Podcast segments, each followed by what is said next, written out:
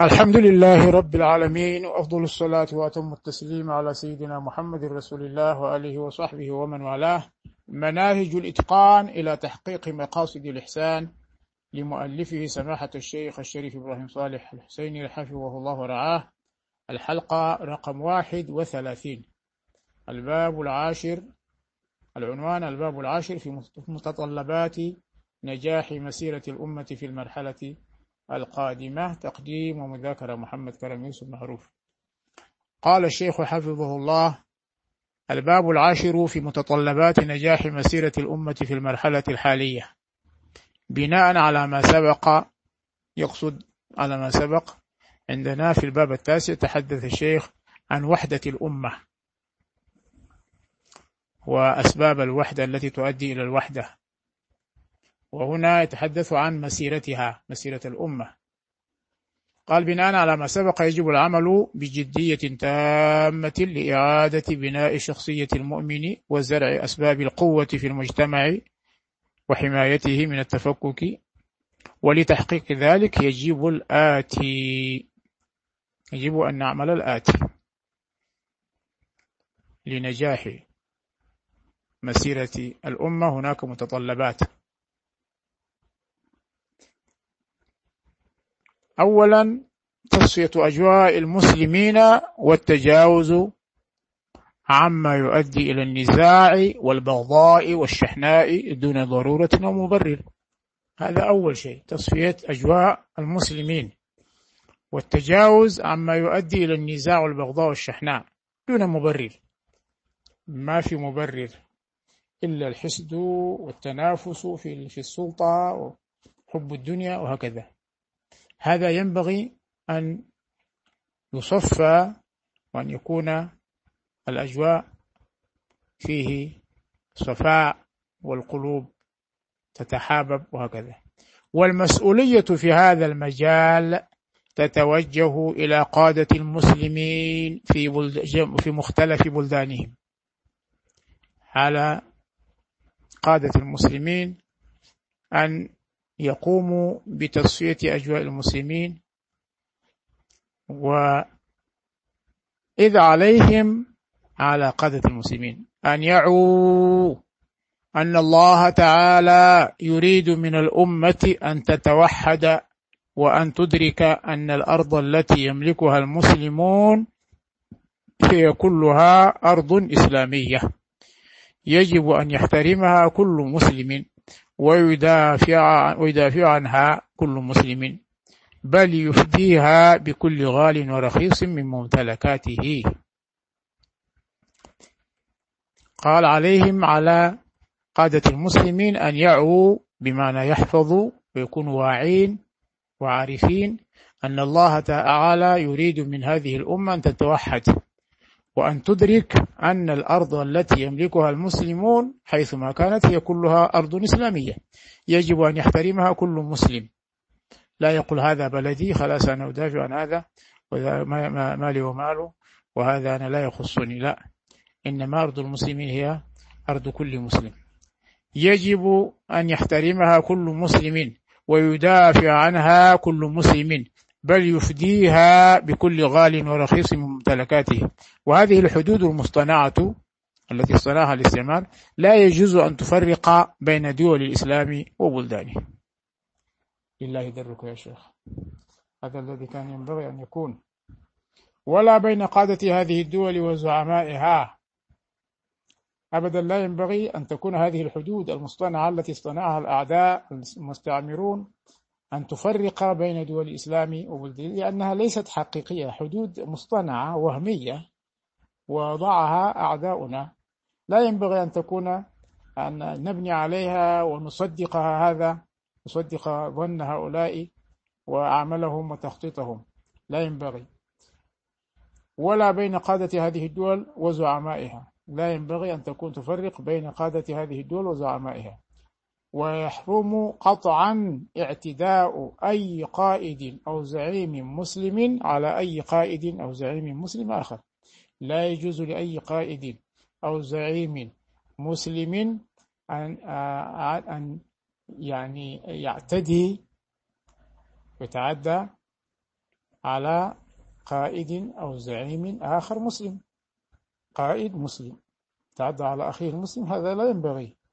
يعني هذا مما منع الله تبارك وتعالى وشدد فيه. إنما المؤمن إخوة. طيب. إذ لا ينبغي أن يفسح أن يفسح القادة والدعاة المجال لأي نوع من الفتنة التي تفرق بين المسلمين. لا ينبغي أن يفسح القادة والدعاة ولأنه تحدث في الوحدة التاسعة أنه ينبغي أن يتعاون القادة مع العلماء. لذلك هنا قال لا ينبغي أن يفسح القادة قادة المسلمين والدعاة العلماء هم يعني المجال لأي نوع من الفتنة بل يجب أن يتعاون القادة والدعاة إلى الله عز وجل في دفع الفتنة وإخمادها وعدم نشوئها. هذا هو الذي ينبغي. هذه مسؤولية القادة والدعاة. قال وما نراه اليوم من اقتسام أرض الإسلام بين زعماء يتنافسون ويتكالبون على الدنيا بحيث يتسببون في تضييع حقوق المسلمين أو سفك دمائهم أو تضييع الأمانة التي هي الدين والنفس والعقل والمال والعرض والأرض هو أمر مخالف تماما لهدي الإسلام. يعني ما نراه اليوم من اقتسام أرض المسلمين أرض الإسلام. الإسلام عندما افتتحها المسلمون في أنحاء العالم هي أرض الإسلام. الناس يقومون زعماء يتقاسمون ويتنافسون. هذه الأراضي يتكالبون على الدنيا. وبحيث يتسبب في تضييع حقوق المسلمين أو سفك دمائهم أو تضييع الأمانة التي هي الدين والنفس والعقل والمال والعرض والأرض هي الكليات الخمس. الدين والنفس والعقل والمال والعرض. والأرض هو الشيخ يزيد هنا الأرض اللي هي البيئة أيضا حفظ حفظ البيئة حفظ الأرض. هذا أمر مخالف يعني تضييع هذه الحقوق وهذه الأمانات تضييعها أمر مخالف تماما لهدي الإسلام. والقادة هم السبب في ضياع هذه الأمانات. قال وعلى الدعاة أن يتفاهموا مع القادة والحكام على تجنيب الأمة هذه المخاطر. انظر الدعاة مع القادة يجب أن يتفاهموا القادة والحكام والدعاة. يجب أن يتفاهموا ويتعاونوا على تجنيب الأمة هذه المخاطر. مخاطر تضييع الأمانة تضييع ومنها من الأمانة الأرض. قال ويذك ويذكرهم بأن مرجعية هذه الدول الإسلامية المختلفة كلها تنحصر في رسول الله صلى الله عليه وسلم وفي كتاب الله عز وجل وسنة رسوله عليه الصلاة والسلام. لا بد أن يذكروهم ويعلموهم بأن مرجعية هذه الأراضي هذه الدول الإسلامية المختلفة كلها تنحصر في رسول الله صلى الله عليه وسلم. هي ملك له لأنه هو الذي افتتحها وهو الخليفة في الأرض وهي في كتاب الله تبارك وتعالى وسنة رسوله صلى الله عليه وسلم. وقد حذر رسول الله صلى الله عليه وسلم من الفتن وبين أنها تستشرف القلوب التي تستعد لقبولها. الفتنة النبي صلى الله عليه وسلم أخبر أنها تستشرف القلوب التي تستعد لقبولها. يعني ليست أي القلوب القلوب التي تستشرف لقبول الفتنة. تستشرف بمعنى تتطلع ولقبول الفتنة. تستعد. ففي الحديث عن حذيفة قال كنا عند عمر فقال أيكم سمع رسول الله صلى الله عليه وسلم يذكر الفتن فقال قوم نحن سمعناه. فقال لعلكم تعنون فتنة الرجل في أهله وجاره؟ قالوا أجل. قال تلك تكفرها الصلاة والصيام والصدقة. ولكن أيكم سمع النبي صلى الله عليه وسلم يذكر الفتن التي تموج موج البحر. قال حذيفة فأسكت القوم فقلت أنا فقلت أنا. قال أنت لله أبوك. قال حذيفة سمعت رسول الله صلى الله عليه وسلم يقول تعرض الفتن على القلوب كالحصير عودا عودا فأي قلب أشربها نكت فيه نكتة سوداء وأي قلب أنكرها نكت فيه نكتة بيضاء حتى تصير على قلبين على أبيض مثل الصفا فلا تضره فتنة ما دامت السماوات والأرض والآخر أسود مربادا كالكوز مجخيا. لا يعرف معروفا ولا ينكر منكرا إلا ما أشرب من هواه. قال حذيفة وحدثته أن بينك وبينها بابا مغلقا يوشك أن يكسر. قال عمر أكسرا لا أبالك فلو أنه فتح لعله كان يعاد. قلت بل يكسر. وحدثته أن الباب أن ذلك الباب رجل يقتل أو يموت. حديثا ليس بالأغاليط. قال أبو خالد فقلت لسعد يا أبا مالك ما أسود مربادا؟ قال شدة البياض في سواد. قال قلت فما الكوز مجخيا؟ قال منكوسا. الله أكبر. هذا الحديث حديث سيدنا حذيفة الذي يرويه عن رسول الله صلى الله عليه وسلم يقول يوم من الأيام بعد انتقال النبي صلى الله عليه وسلم إلى الرفيق الأعلى كنا عند عمر. فقال أيكم عمر سيدنا عمر؟ قال أيكم سمع رسول الله صلى الله عليه وسلم يذكر الفتن. فقال قوم نحن سمعناه. فقال سيدنا عمر لعلكم تعنون فتنة الرجل في أهله وجاره. يعني الفتن هذه الفتن اللي بتحصل مشاكل اللي بتحصل بينه وبين أهله وبينه وبين جاره. أو بينشغل بها عن الدين كذا كذا. هذه قالوا الأجل قال لا. قال تلك تكفرها الصلاة والصيام والصدق هذه يعني ليست كبيرة ولا, ولا أعنيها لا أسأل عنها لأن هذه يعني شأنها ممكن تكفرها الصلاة وتكفرها الصدقة وكذلك يكفرها الصوم. ولكن أيكم سمع النبي صلى الله عليه وسلم يذكر الفتن التي تموج موج البحر. الله أكبر. قال حذيفة رضي الله عنه فأسكت القوم سكت القوم. قلت أنا سيدنا حذيفة قال أنا أخبرك عنها. قال سيدنا عمر أنت لله أبوك. أنت صحيح أنت الذي تخبرني. لله أبوك. كلمة لله أبوك معناها يعني لله أبوك تزكية أبيك وتربيته لله تبارك الله كأن الله تبارك وتعالى هو الذي تولى آه، تربية أبيك يعني. كما يقول لله دره كذا لله أبوك أمر أبيك تربيته تزكيته. يعني مدح كلمة مدح يمدح بها الشخص.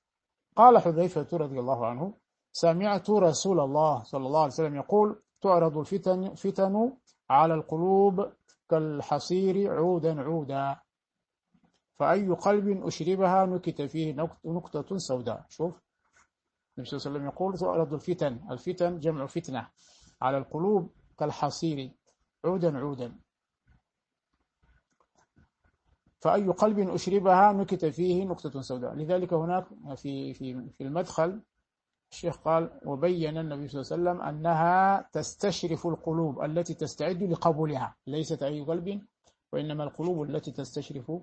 هنا قال أي قلب فأي قلب أشربها أي تقبل هذه الفتن ونكتت فيه نكتة سوداء. يعني ما أنكرها وقبلها ورضي بها تنكت في قلبه نكتة سوداء. وأي قلب أنكرها نكتت فيه نكتة بيضاء. الفتنة عندما تنزل وتظهر أي قلب أنكرها مباشرة تنكت في قلبه نكتة بيضاء. حتى تصير على قلبين. هذا السوداء نقطة سوداء وهذا نقطة آه، آه، بيضاء.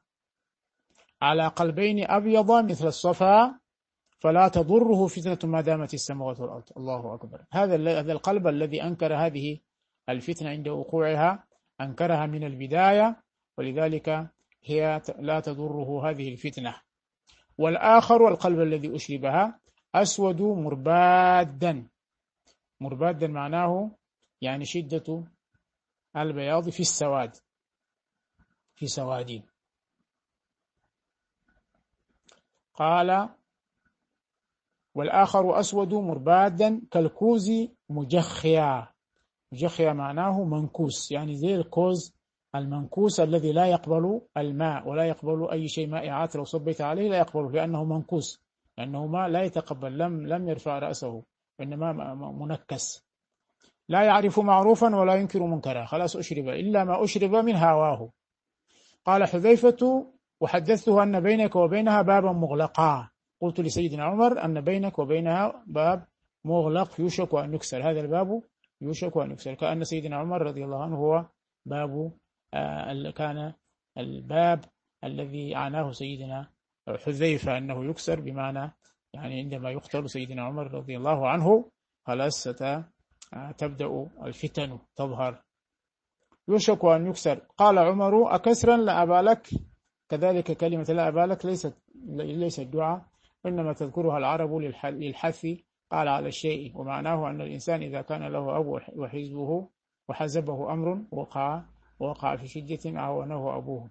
يقول له يعني هذه كلمة تذكرها العرب زي ويحك وزي آه، كذا.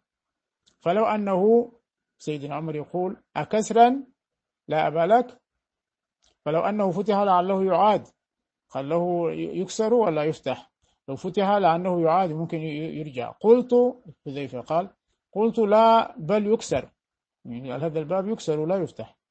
وحدثه أن ذلك الباب رجل يقتل أو يموت. وقلت له هذا الباب؟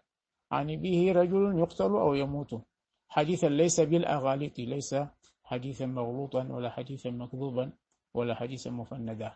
قال أبو خالد فقلت لسعد يسأل من الحاضرين واحد خالد سيدنا أبو خالد يسأل سعيد لسعد.